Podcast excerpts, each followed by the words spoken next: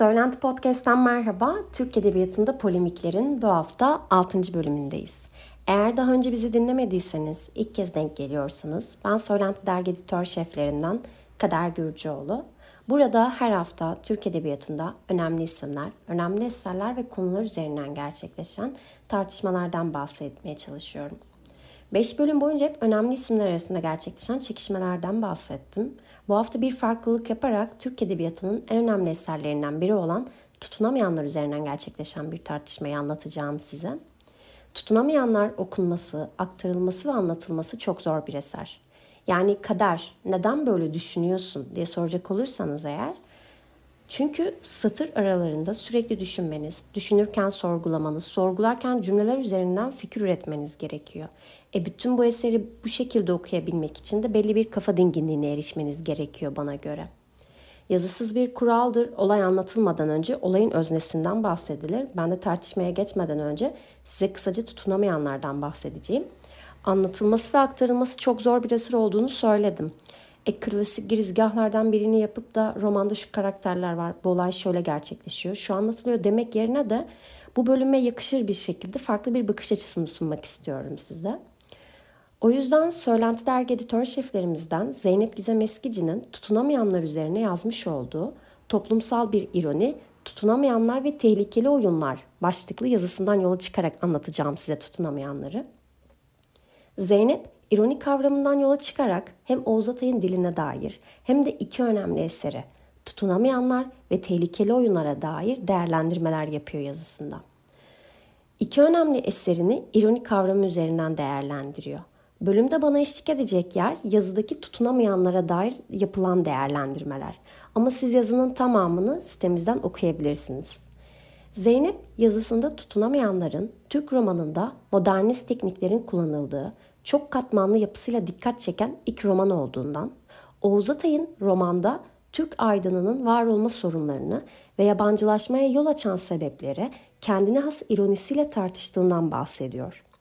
Ardından Oğuz Atay'ın tutunamayanlarda hicvi de mizahı da belli bir anlayış çerçevesinde birlikte kullandığını da ekliyor.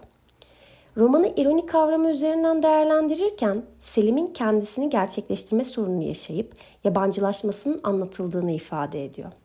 Selim'in odakta yer aldığı kısımlarda komiyi sağlayan kusurların bağışlanabilir, düzeltilebilir nitelikte olduğundan, dolayısıyla da Oğuz Atay'ın Selim'e ve onda tecessüm eden tutunamayışına mizah penceresinden baktığının mümkün olduğunu ifade ediyor. Bunların yanında küçük burjuva dünyasına yöneltilen hiciv, birinci bölüm boyunca zaman zaman Selim'in ağzından, zaman zaman da Turgut'un kendisiyle hesaplaşması yoluyla da devam ediyor. Oğuz Atay, küçük burjuva alışkanlıkların insanı kişiliksizleştiren özellikleriyle ikinci bölümünde de alay etmeye devam ediyor. Ayrıca Zeynep Hicvin giderek Turgut'un evinden modernizmin sembollerine, şehrin zevksiz binalarına yöneldiğini, Anadolu'nun neresi olduğu söylenmeyen küçük kasabalarında, şehirlerindeki kayboluşları, Turgut'un iç dünyasında yapılan konuşmaların da ironiyle okula, okura aktarıldığını da ifade ediyor. Ufak ufak tartışmaya geçelim istiyorum artık. 1970'te tutunamayanları tamamlayan Atay aslında romanı bastırmanın ne kadar zor olduğunu farkındaydı. Çünkü o döneme kadar bu şekilde kaleme alınmış başka bir roman yoktu. Türk Edebiyatı'nın en sıra dışı romanı olduğundan yayımlamayı kabul edecek yayın evinin olduğuna da çok inanmıyordu açıkçası. O yüzden işini biraz daha kolaylaştırabilmek için TRT Kültür Bilim Sanat Yarışması'na dosyasını gönderdi. Çünkü biliyordu ki eğer ödülü alırsa eseri yayımlaması da bir o kadar kolaylaşacaktı. Ama Oğuz Atay öyle bir eser kaleme almıştı ki dosya daha komisyondayken yani eser daha yayımlanmadan tartışmalar başlamıştı. O dönemin siyasal havası da aslında Türk Edebiyatı'nda çok ciddi ve önem ve etkilere sahipti. Köy romancılığı iyice varlığını belirginleştirmişti ve yazılan her eser muhakkak bir sınıfsal ayrılık barındırıyordu. Ayrıca dönemin genel havasına şöyle bir baktığımızda edebiyat gündeminin köy romancılığı ve sınıfsal ayrılık üzerinden şekillendiğini de söylememiz mümkün. Toplumcu gerçekçilik yaygın bir şekilde kendini gösterirken bireyciliğe işaret eden herhangi bir eser, yazı, söylem edebiyat camiası tarafından hiç hoş karşılanmıyordu. Zaten Atay'a yöneltilen eleştiriler de ilk olarak bireycilik teması üzerindendi. 1971'de tutunamayanların yayınlanmasıyla beraber herkes kalemi eline aldı ve esere dair ilk yazılı eleştiriler ardı ardına gelmeye başladı.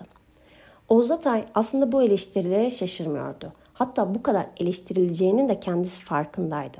Çünkü biliyordu ki toplumcu gerçekçiliğin bu kadar belirgin olduğu bir ortamda ayrık olmak, biçimciliği ve bireyciliği bu kadar belirgin bir şekilde göstermek kesinlikle camianın sıcak bakacağı bir husus değildi.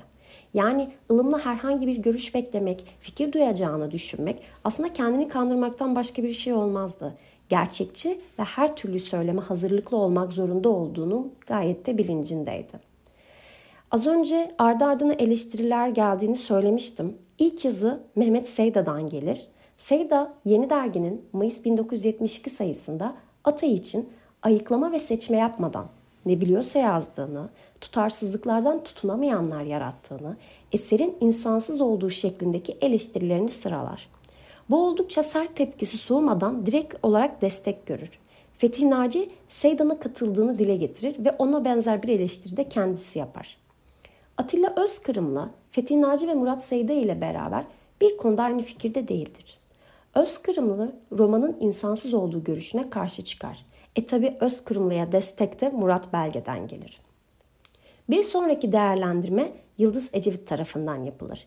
Yıldız Ecevit bu eleştirileri Türk Edebiyatı'ndaki ilk modernist romanla ilgili olarak geleneksel eleştirinin avantgard estetik karşısındaki ilk tepkisi olarak yorumlar. Murat Belge tutunamayanlar üzerine ilk eleştiri yazısını yazar ve Aralık 1972'de yayımlanır. Yazısında Atilla Özkırımlı'ya katıldığını ifade eden Murat Belge, Oğuz Atay'ın insanlarını içten ve zihni süreçlerle ele aldığını belirtir. Murat Belge romanı oldukça objektif bir biçimde ele alarak yazarın toplumsal meselelere ve kişilere eleştiriler yaklaşımını ironi üzerinden doğru kuramadığını, Atay'ın ironisinin eleştirmek istediklerini sadece sevimleştirdiğini söyler.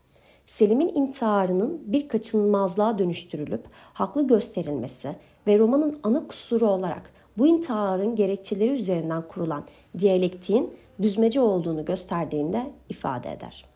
Ancak 1998'de yayımladığı ve bu eleştiri yazısına da yer verdiği Edebiyat Üstüne Yazılar adlı kitabında bu eleştiri metninin altına bir ek koyar.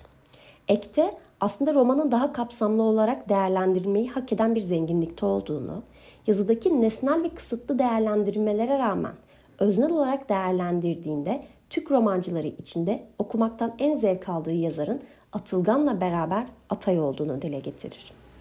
Genelde baktığımızda o dönemin polemikleri süreç içerisinde gerçekleşir ve biter. Fakat tutunamayanlar öyle bir eser ki 2011 yılında kendini başka bir tartışmanın içinde bulur. Eserin yayınlanmasının üzerinden tam 40 yıl geçmiş ve eser Türk Edebiyatı'nda yerini oldukça sağlamlaştırmıştır. Fakat 2011'de Notos dergisi Haziran-Temmuz sayısında bu tartışmayı yeniden gündeme getirir.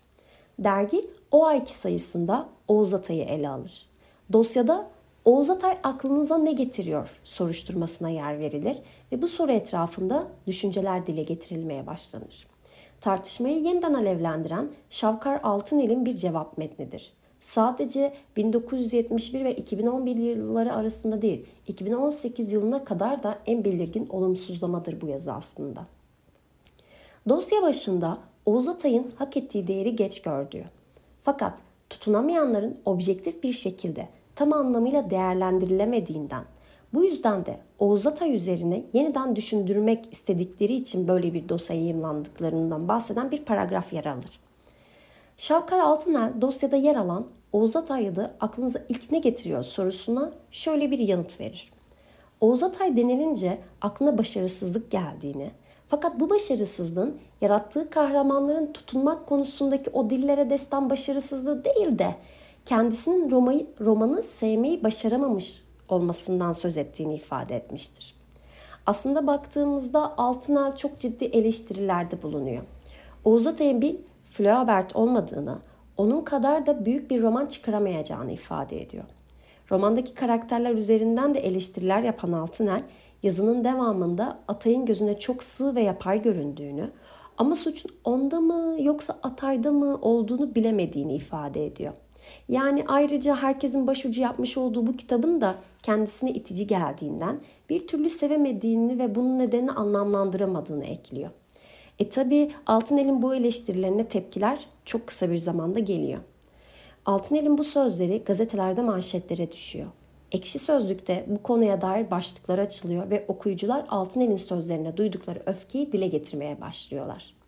Bunun yanında o zaman Twitter her ne kadar şu anki gibi aktif kullanılmamış olsa da orada da ciddi bir yankı uyandırıyor bu sözler. Forum sitelerinde Altınel'in kitaptan anlamadığı bir kıskanç olduğu yazılıyor okuyucular tarafından. Yazılı basına baktığımızda ilk tepki Meltem Gürle'den gelir. 18 Haziran 2011'de Bir Gün gazetesindeki köşesinde Gürle, Şavkar Altınel'in yazısındaki sığ ve yapay orta sınıf bunalımlarını anlatan mühendis yapar görüşüne karşı çıkar. Atay'ın kendi sınıfının dertlerini anlattığını, bayağı bizden olduğunu, kendi benliğine de gayet sadık olduğunu ifade eder. Meltem Gürle bu yazısından sonra da Afili Filintalar adlı bir blogda bir yazı yayımlar ve Altınel'e oldukça alaycı göndermeler yapar. Meltem Gürle'den sonra daha keskin bir duruş sergilen diğer bir isim Gülser Korat'tır. Korat, ayrılsın yollarımız artık başlıklı bir blog yazısı yazar ve 14 Temmuz 2011'de yayımlar. Yazısında Altınel'in Türkçe'de rastlamamış bir sesle ilk kez konuşan Atay'ı çok rahat harcadığını, onu küçümsediğini, edebiyatta başkasının gittiği yolu seçmemenin kimseye onu küçümseme hakkını vermeyeceğini, küçümsenecek tek şeyin ise edebiyata edebiyat dışı amaçları sokmak olabileceğini söyleyerek Altınel'in bunu yaptığını ima eder. Şavkar Altınel bu tepkilere ateistler ve ben şeklindeki bir yazıyla cevap verir. Radikal'de 20 Temmuz 2011'de bir yazı yayımlar. Yazısında tutunamayanların çok satan bir kitap olduğundan ötürü eleştirileri kabul etmediğini, aslında bu yapılan eleştirilerin de tutunamayanlar ile tutunanlar arasında çıkan bir gerginlik olduğunu dile getirir. Tabii Şavkar Altınel'in bu yazısı da ciddi öfke uyandırır ve bu yazı yayınlandığı andan itibaren pek çok köşe yazarı tarafından eleştirilir. Bunun yanında okuyucular ekşi sözlükte, forumlarda, sosyal medyada da ilk yapılan eleştirilerden çok daha ağırlarını yaparlar. Tüm bu tartışma gerçekleşirken tartışmaya son noktayı aslında Hayati Asil Yazıcı koyar. Hayati Asil Yazıcı tutunamayanların ilk yayıncısıdır. 5 Ekim 2011'de Aydınlık'ta Oğuz Atay'ı ilk ben yayınladım başlıklı bir yazı kaleme alır. Yazısında Oğuz Atay'ı keşfeden yayıncı olduğunun altını çizerek hiç isim vermeden Oğuz Atay'a ve tutunamayanlara dair yapılan tüm kötü ve olumsuz eleştirilere cevaben roman ve öyküden anlamadıklarını söyler. Bunun yanında Oğuz Atay'a kitabı yayınlandığı dönemde sahip çıkılmadığını dile getirir. Hayati Asil Yazıcı bugün Oğuz Atay'a sahip çıkanlar Türk Edebiyatı'nı ikiye bölerek büyük ünlü ve gerçekçi roman, romancılarımızı karalamaya çalışıyorlar diyerek Notus'un Oğuz Atay dosyasına gönderme yapar. Asil yazıcı Oğuz Atay'ı ilk dönemlerde beğenip yazmayanlar ya da yazamayanlar en azından Atay'ın yapıtlarına saygı duyuyorlardı. Şimdi ise Oğuz Atay'ın çok sattığını görenler Türk romanına yeniden eleştiri getirmek istiyorlar. Bunu yapanlar da Cumhuriyet dönemi Türk Edebiyatı'nın roman ve öykülerinden açık bir net, açık ve net bir şekilde anlamıyordur diyerek bu tartışmalara dair düşüncelerini dile getirir. Ya siz şimdi bu kadar, buraya kadar merak ediyorsunuzdur. 2018'den sonra peki e, hiç eleştiri yöneltildi mi? 2021'e kadar yapılan başka bir eleştiri var mı diye. Ben notlarımı hazırlarken araştırdım. Fakat kayda değer pek bir şey bulamadım. Genelde e, okuyucular tarafından yapılan, Oğuz Atay'ın dilinin ağır olduğundan, kitabın aslında belli bir e, süreden sonra aktığından gibi böyle ufak tefek e, okuyucu görüşleri vardı. Ama ciddi bir eleştiri bulamadım. Sona gelirken eklemek istediğim diğer bir şey ise Tutunamayanlar kitabının şu an günümüzde de hala çok satanlar listesinde olduğu. Baktığımızda bu durum aslında mutluluk verici bir durum. Fakat diğer taraftan biraz da popüler kültürün bir parçası haline getirilmesi de can sıkıcı bir durum bana göre. Özellikle günümüzde bazı okuyucuların pek çoğu romanı televizyonlarda yayınlanan dizilerle bağdaştırmaya çalışıyor. Böyle büyük eserlerin özünü anlamayarak sadece alıntılar olduğu için dizilerle bağdaştırılıyor olması bir okuyucu olarak beni üzen ve geren bir durum. Çünkü her şeyden önce bu şekilde bir yaklaşımın ben okumaya yönelik bir eksiklik olduğunu düşünüyorum. E, tabii bu benim kendi fikrim diyerek sözlerimi burada bitiriyorum. Beni buraya kadar dinlediyseniz sabrınız için size teşekkür ederim. Dilerseniz düşüncelerinizi yahut eleştirilerinizi bizimle paylaşabilirsiniz. Başka bölümlerde yeniden görüşmek dileğiyle şimdilik hoşçakalın.